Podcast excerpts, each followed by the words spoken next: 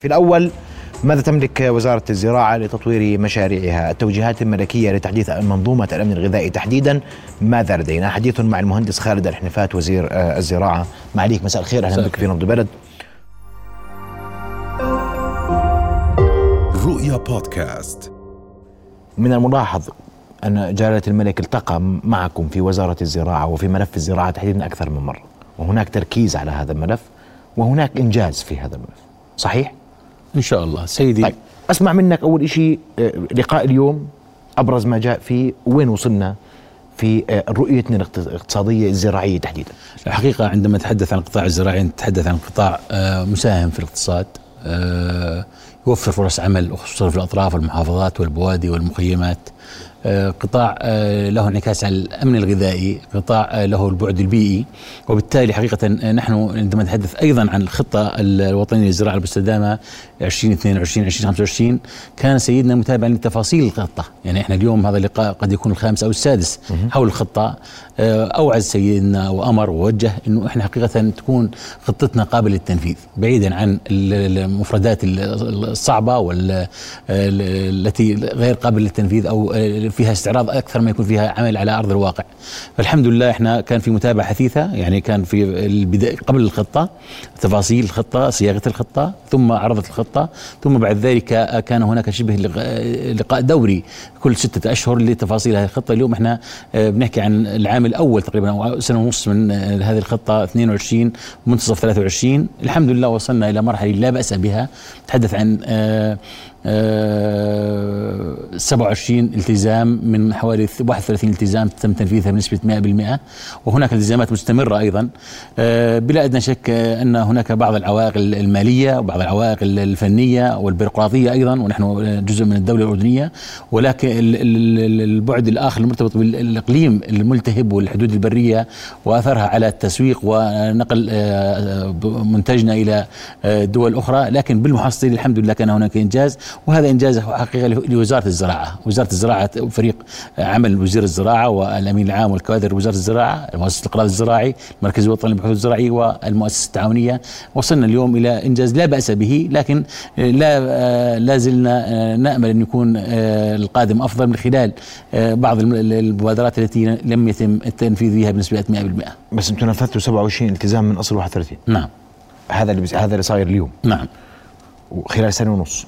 خلال سنة ونص تقريبا. باقي للخطه توقيت. إحنا الخطة لغاية 2025 وهناك مشاريع ممتدة ومستمرة سواء من ال 22 حتى ال 25 آه، القضايا المرتبطة بالارشاد الزراعي آه، القضايا المرتبطه بالتوجيه للتمويل للتكنولوجيا توفير المياه التصنيع الغذائي محاصيل العجز التنميه الريفيه وتمكين المرأة مشاريع زراعية رياديه للشباب آه، التصنيع الغذائي آه، التسويق الحصاد المائي التحريج الجمعية التعاونية آه، مفردات كبيرة جدا. الحمد لله أنجزنا في كل مفردي وفي كل نشاط بما آه، أوتينا من قوة.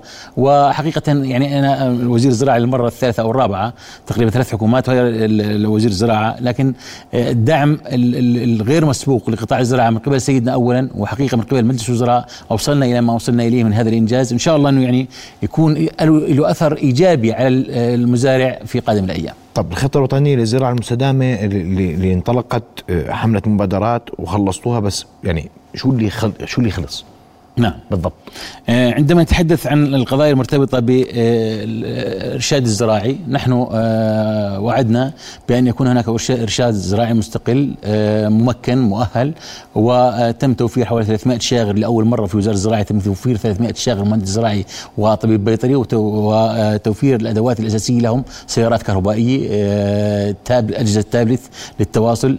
المرشد الزراعي ليس مهمته أن يداوم في المكاتب لا في الميدان ومن خلال متابعة حثيثة مع الخبراء والباحثين في المركز الوطني للبحوث الزراعية آه، تقريبا إن شاء الله وصلنا إلى مرحلة انه كل آه، حيازه زراعيه سواء نباتيه أو حيوانيه لها مرشد زراعي وهذا آه، تطور كبير جدا لأنه هو مهم جدا في قضية المدخلات الإنتاج مهم في النمط الزراعي مهم في التسويق والتعبئه والتدريج وله أثر كبير على القطاع الزراعي. الجانب الآخر لدينا الإقراض الزراعي هناك إقراض زراعي موجه للمحاصيل العدس للتكنولوجيا لتوفير المياه للتصنيع الغذائي للمكنني للاستزراع السمكي للإنتاج الحيواني للتنمية الريفية تمكين المرأة لمشاريع زراعية للشباب.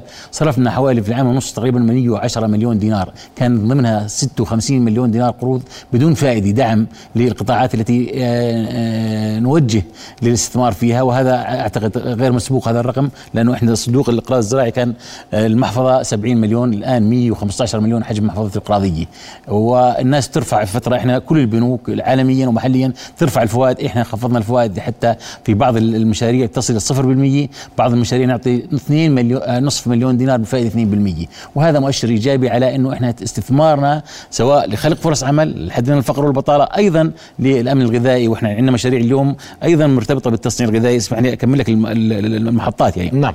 آه بعد الإرشاد الزراعي اشتغلنا على أو الإقراض الزراعي اشتغلنا على آه، التصنيع الغذائي. اليوم إحنا وزارة الزراعة أنشأنا تسع مصانع بالشراكه مع القطاع الخاص. مصنعين في الاغوار الجنوبية بكلفة 3 و2 بالعشرة مليون دينار. إن شاء الله بشهر 10 سننتهي من انشائهم بالكامل وشهر 12 بيكونوا شغالين إن شاء الله خطوط الإنتاج. وشراكة حقيقية مع القطاع الخاص يعني نتحدث عن القطاع الخاص. هذا عنوان كان الخطة الشراكة مع القطاع الخاص. هي إحنا بنحكي 72 مبادرة أو 72 مشروع ب 57 منها بالشراكه مع القطاع الخاص. والشراكة مع القطاع الخاص ليست في الكلام والزيف لكن شراكه أنا بدفع 3 مليون و2 بالعشرة آه، للمستثمرين للتصنيع الغذائي في الأغوار الجنوبية. بدفع خمس سنوات لأي مستثمر في التصنيع الغذائي في أي مدينة صناعية في الأردن. برضه بعطيه قرض لغاية نصف مليون دينار بفائدة 2% يعني الناس ترفع الفوائد إحنا بنخفض الفوائد. أيضا بعمل على حماية المنتج المحلي من خلال وقف استيراد للمنتج الذي ينتجه المنتج سلعة إحلالية فرص عمل تمتص الفائض من الإنتاج. يعني عندنا مشكلة الآن مثلا في المفرق اللوزيات العنب. آه، وقعنا آه، مع قطاع خاص لإنشاء مصنع للتجفيف الزبيب أو تجفيف الفواكه مثلا. البطاطا المصنعة إحنا بنستورد حوالي 120 ألف طن. سننتجها في أربع مصانع في الأردن إن شاء الله لوقف استيرادها التفريز المركزات. آه، جانب آخر أنشأنا الشركة الأردنية الشركة الأردنية الفلسطينية لتسويق المنتجات الزراعيه هذه الشركة آه، العام الماضي كانت حجم صادراتها إلى أسواق غير تقليدية غير الخليج إلى أوروبا حوالي 2000 طن. هذا العام لدينا عقود قابلة ل 15000 طن لكن راح تصدر 8000 طن حتى نهيئ البني التحتية لهذه الشركة. وعندنا إشكالية في النقل. نتجاوزها من خلال النقل البحري لأنه إحنا حقيقة آه، في ظرف أو في وضع إقليمي صعب جدا. آه، بتعرف طريقنا ومرنا لأوروبا عن طريق تركيا. للأسف لما تكون مغلقة تركيا إحنا بزيد عندنا الكلف من خلال وبتزيد عندنا المدد. يعني نقل الخضار إلى أوروبا يكلفنا آه، كمدة حوالي عشر أيام. وككلفة النقل البري ثلاث أضعاف. فبالتالي العوائق كبيرة جدا ومع ذلك هذا العام سنصدر 8000 طن من خلال هذه الشركة ومن خلال آه، التعاون مع القطاع الخاص. أيضا اشتغلنا على التحريج المستدام. يعني هي قضية أنه تزرع الشجرة وتمشي ما ظل الآن عندنا في مسارين في مناطق بنعتمد على الشرنقة والشرنقة إحنا كنا نشتريها. هاي الشرنقة آه، بسعر غالي جدا اليوم بنصنعها في الأردن بالتعاون مع الجمعية الملكية لحماية الطبيعة والبوتاس مشكورة وتمويل من وزارة الزراعة إنتاجها محليا. هذه الشرنقة تمنع التبخر. وبالتالي نسبة النجاح في الزراعة الحرجية 100% وبدأنا ب 2000 دنم في الكورة 1000 دنم في عجون و1000 دنم في جرش وأيضا في المناطق الأخرى في الجنوب على الحصاد المائي وعلى المياه الغير صالحة للشرب. وأعطي مثال ذلك إحنا الآن عندنا مشروع لغابة 2200 دنم في القطراني. صرنا زارعين مئة ألف شجرة وإن شاء الله نزرع نستكملها مئة ألف شجرة على مياه الشركة الوطنية وهي مياه غير صالحة للشرب. وأيضا إن شاء الله مشروع في الأبيض على المياه الفوسفات مشروع في عنيزي على مياه الكبريتية غير صالحة للاستهلاك البشري. فبالتالي بنحاول يكون عندنا تحريج مستدام آه، النهوض بمحطاتنا الزراعية بحيث يكون أكثر فعالية وأكثر جودة للمنتج. الجانب آخر اللي اشتغلنا عليه اللي هو الحصاد المائي. إحنا في عام 22 ولليوم تقريبا بنحكي حوالي 70 إلى 75 حفيرة وسد ترابي وهذه تشكل 20% مما تم انتاج إنجازه في المئة سنه من أمر الدولة الأردنية. لأنه مهمتنا تقريبا نجمع كل قطرة مي. والحمد لله الله يعني آه، أرزقنا المطر وكان تفل كل حفائرنا في المنطقة الجنوبية الصحراويه وعندنا بالسلسلة الغربية من إربد حتى البتراء إحنا تقريبا عندنا 2500 بير تجمع مياه العام الماضي وهذا العام. آمل كنت آمل يكون 10000 بئر جمع مياه لكن حقيقة التمويل خذلنا في هذا المجال. لأنه بنحكي عن محددات مالية مهمة جدا. جانب مهم جدا إنه هو إحنا بنحكي عن ال- التنمية الريفية، التنمية الريفية اعطينا تأهيل وتدريب وتمكين، دربنا ما لا يقل عن 12000 فتاة وشاب وكان نسبتي عالية جدا على المهن الزراعية وعلى التدريب حتى نوطن ال- العمالة الزراعية، حتى نكسر الحاجز بين أبنائنا وال- والعمل في قطاع الزراعة، وأيضا على التنمية الريفية كان حوالي 7000 أو 8000 بنت تقريبا فتاة من أخواتنا وربة بيت في العمل الز- في ال- ال- التنمية الريفية، مسار آخر أعطينا تمويل لغاية 28 مليون دينار قروض بدون فائدة حتى ندعم آه، مشاريع إنتاجية صغيرة للمرأة الريفية. و3000 منها تقريبا حوالي 7 7 مليون دينار أيضا للمرأة الريفية. ومسار آخر اللي هو المعرض المعارض الدائمي يعني أنت بتحكي تأهيل وتدريب بتحكي تمويل. بتحكي تسويق لأنه بدون تسويق في إحباط كبير بصير صحيح. مع إن المهرجانات اللي بنعملها مهرجان الزيتون مهرجان الرمان مهرجانات مختلفة الزهور قبل الأيام وأيضا المعرض الدائم للمنتجات الريفيه في العاصمة عمان نسبة الإنجاز فيه الآن 60% والجيد في الخطة الزراعية إنه ما في سوف إحنا بنحكي شو سوينا شو عملنا 60% الإنجاز في معرض عمان و50% معرض دائم في إربد وهذه ستكون نقلة نوعية لل- للتنمية متى. بيخلصوا هذول؟ آه إن شاء الله إنه معرض عمان يفتتح ب 25 5 إن شاء الله ويكون جاهز مؤثث آه بكامل آه آه متطلباته لينعكس ايجابا على التنمية الريفية في المملكة والمعرض الدائم في إربد إن شاء الله قبل نهاية خمس قبل نهاية يعني نهاية السنة يكون جاهز إن شاء الله. بدي أظني في ذات الموضوع وانت قلت عندنا شراكة مع القطاع الخاص اليوم وفي مصانع آه، آه، آه، بدنا قلت تسع مصانع صح؟ هذول خلصناهم. إحنا المصانع مش خلصنا وقعنا اتفاقيات بعضهم بينتهي خلال شهرين بعضهم بل بدأ الآن. يعني أعتقد إنه جميع هذه المصانع شهر أربعة القادم شهر آه نيسان ستكون إن شاء الله آه تع- مشغل إن شاء الله. مشروع السرحان والحماد وش صار فيهم هذول؟ آه، أيضا هنا إحنا بدنا نركز على ال- ال- ال- المياه إحنا مشكلتنا في الأردن المياه كثير من الكلام اللي بتسمعه تنظير وكذا والزراعه يا عمي القضية مرتبطة بالمياه. أنا عندي كل الأردن صالح للزراعة لو عندي مي. يعني هاي القصة بنحكي بالمساحه وكذا. ما عندي مشكلة في المساحة أنا عندي مشكلة في المي. فبالتالي إحنا ال- ال- الحوضين اللي ممكن الاستثمار فيهم في مجال الزراعة اللي فيهم آه، مخزون مائي متجدد حوضي السرحان والحماد فيهم حوالي 23 مليون متر مكعب طرحناهم فرص استثمارية. الآن عندنا الشركات آه، حددت مساحاتها وانتهينا منها. بدأت بعض الشركات بالعمل والأخرى تستكمل اوراقها إن شاء الله. أعتقد هذا الموسم موسم الزراعة القادم انه شهر 11 و12 وواحد سيكون آه، موسم عمل لهذه الشركات من خلال 36 ألف دنم في حوضي السرحان والحماد بسعر مي آه، زهيد أو بسيط للمياه قرشين ونص للمتر مكعب. كل ألف دنم نعطي 650 ألف متر مكعب مياه. وأيضا هنا نتحدث عن آه، زراعة للتصدير للتصنيع آه، لا تنافس الزراعة المحلية أو آه، لأسواق خاصة في المستثمر حتى ما يتضرر مزارعنا الأردني. قلت لي على شركة الشركة الأردنية الفلسطينية وهي كان عليها جدال كبير. نعم. بتقول لي من 2000 طن صارت 8000 طن وعندنا طلب ل 15000 طن وعندنا مشكلة في البنيه التحتيه نعم. نحلها آه، حقيقة إحنا الآن آه، بدنا مراكز تعبئة وتدريج آه، ديجيتال بصراحة. حتى نقدر نلبي آه، لأنه فترة بسيطة جدا. عندنا من شهر آه، 12 لشهر 4 أو 3 اللي هي التصدير آه، عقودنا ممكن آه، نوقع عقود 18000 طن. لكن حقيقة إحنا بنركز على الجودة بنركز على سمعة الشركة الحمد لله 2000 طن لم يرجع لنا يعني حبة واحدة فيها إشكالية لأوروبا. كانت مضرب مثل في الجوده لذلك هذا العام إحنا بنستطيع نصدر 8000 طن. وإن شاء الله العام القادم سيكون لدينا مركز تعبئه وتدريج إلكتروني آه، حديث بحيث أنه يغطي احتياجاتنا وقد نصل العام القادم إلى 30 ألف طن. آه، تصدير الشركة والحقيقة إذا كان هناك آه، في الإقليم تسويات وإن شاء الله نتأمل ذلك إن شاء الله. وفتح خط تركيا راح نصل ل 100 ألف طن. وهذا سينعكس على القطاع الزراعي لأن التحدي الكبير الذي يواجه القطاع الزراعة هو إغلاق الخط التركي وهو مسارنا باتجاه أوروبا. خلينا نكون صادقين وواضحين يعني. مهما اشتغلنا مهما أنجزنا وبسمعون إخواننا المزارعين إحنا بنحاول قدر المستطاع نشتر ذاتنا لكن لما تكون حدودك البرية فيها مشاكل في أكثر من جهة هذا أكيد سينعكس على حجم صادراتنا الزراعية. وإحنا بنصدر مي يعني مش بنصدر عبوات ممكن تتحمل شهر وشهرين هي أيام فقط. بس المصانع هاي بتصدر بتصدر؟ هاي المصانع هي مصانع للتصدير. مصانع الامن الغذائي، مصانع ستشغل الأردنيين، مصانع ستعمل على آه، إحلال سلعه بدل المستورده، وهي بتوفر عملة صعبة إن شاء الله بالمحصله كمان يعني نحكي قيمة مضافة عالية جدا للاقتصاد الأردني. قديش كم وظيفة ممكن توفر هاي المصانع اليوم؟ أعتقد تسع مصانع هاي بتوفر ما لا يقل عن 3000 فرصة عمل حال اكتمال آه، خطوط إنتاجها. 3000 فرصة 3000 فرصة عمل حال محصورة اكتمال. بالأردنيين آه، أنا بعطي الأولوية للأردنيين لكن هناك بعض الخبراء والمعنيين أنا بديش أضع- عائق أمام القطاع الخاص أنا منطقي وواقعي كل فرصة عمل يمكن أن يقوم بها أردني وأعتقد نسبة 100% إن شاء الله يكونوا أردنيين لكن بعض الخبراء ممكن فترة معينة للتشغيل كذا صياني لكن مع ذلك أعتقد أنه تكون 99% أردنيين طيب. أنت قلت عن أزمة المياه. نعم. وقلت لي عندنا حل في الحماد والسرحان عندنا عندنا لجزئية بسيطة 23 مليون متر مكعب كفوا 36 ألف دنم كويس. وأنت بتقول اليوم أنا واقعي عندي مشكلة مي أعطيني مي.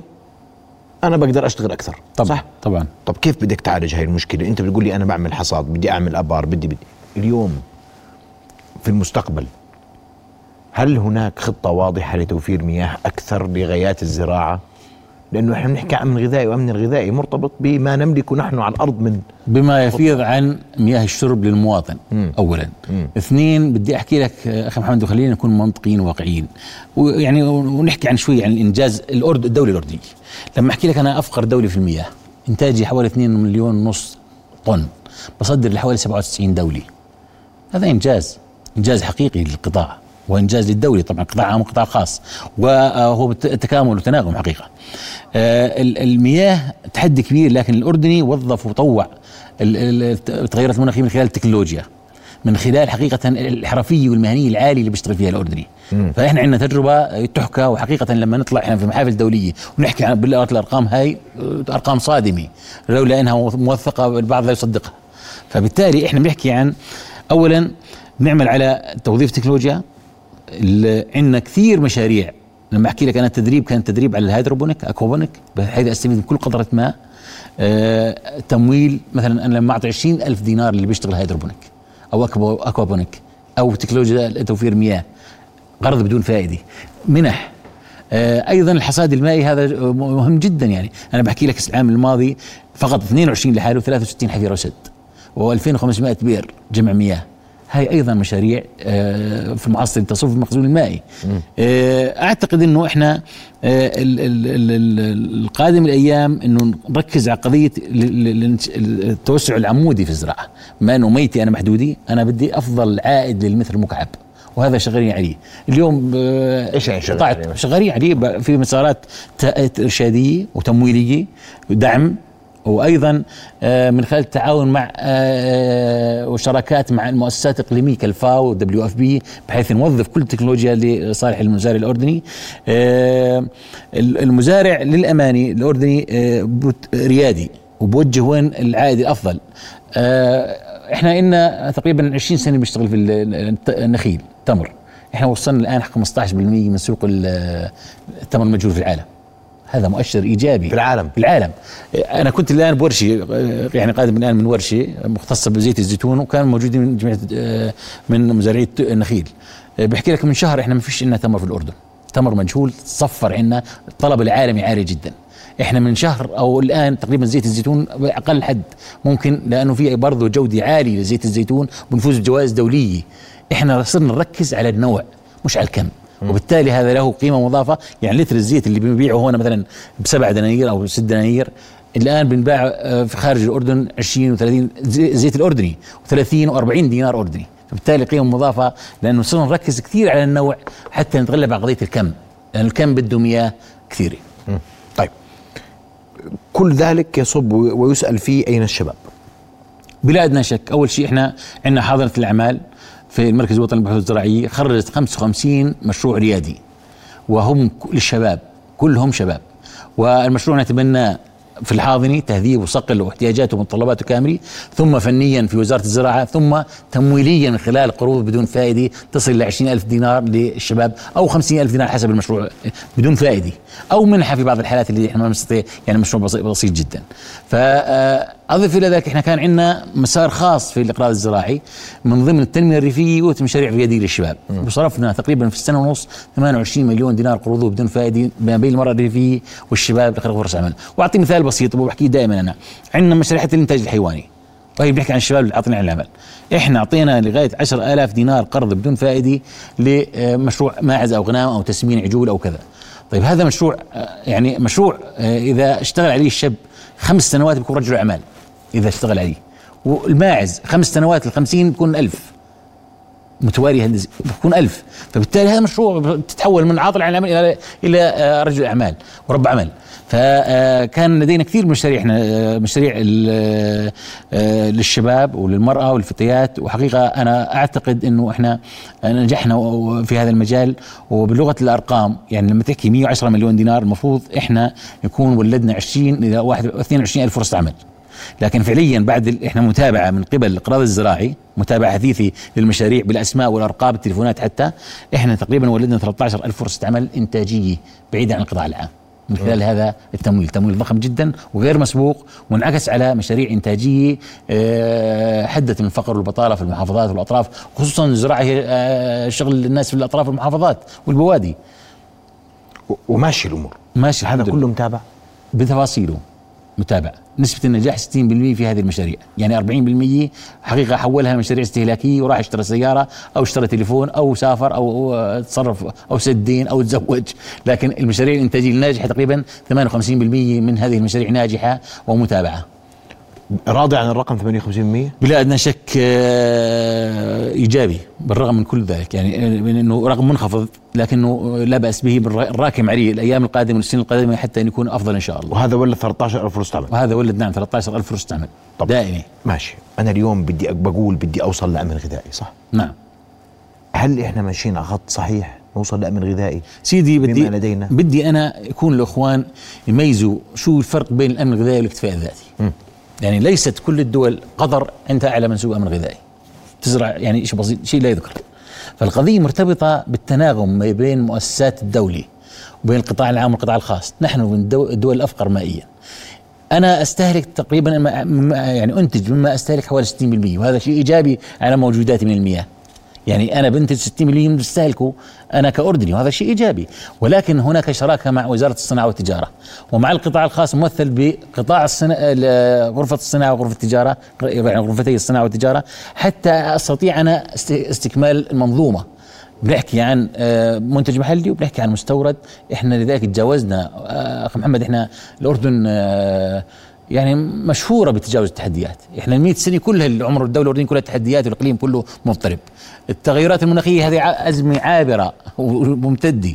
بعدين كورونا جاوزناها وإحنا في رؤوسنا والحمد لله، الأزمة الروسية الاوكرانيه العالم كله دول العالم متقدمة عانت منها، إحنا ما نقص أي صنف وبعيدها كل مرة أنا ما نقص أي صنف في أي دكان في أي قرية.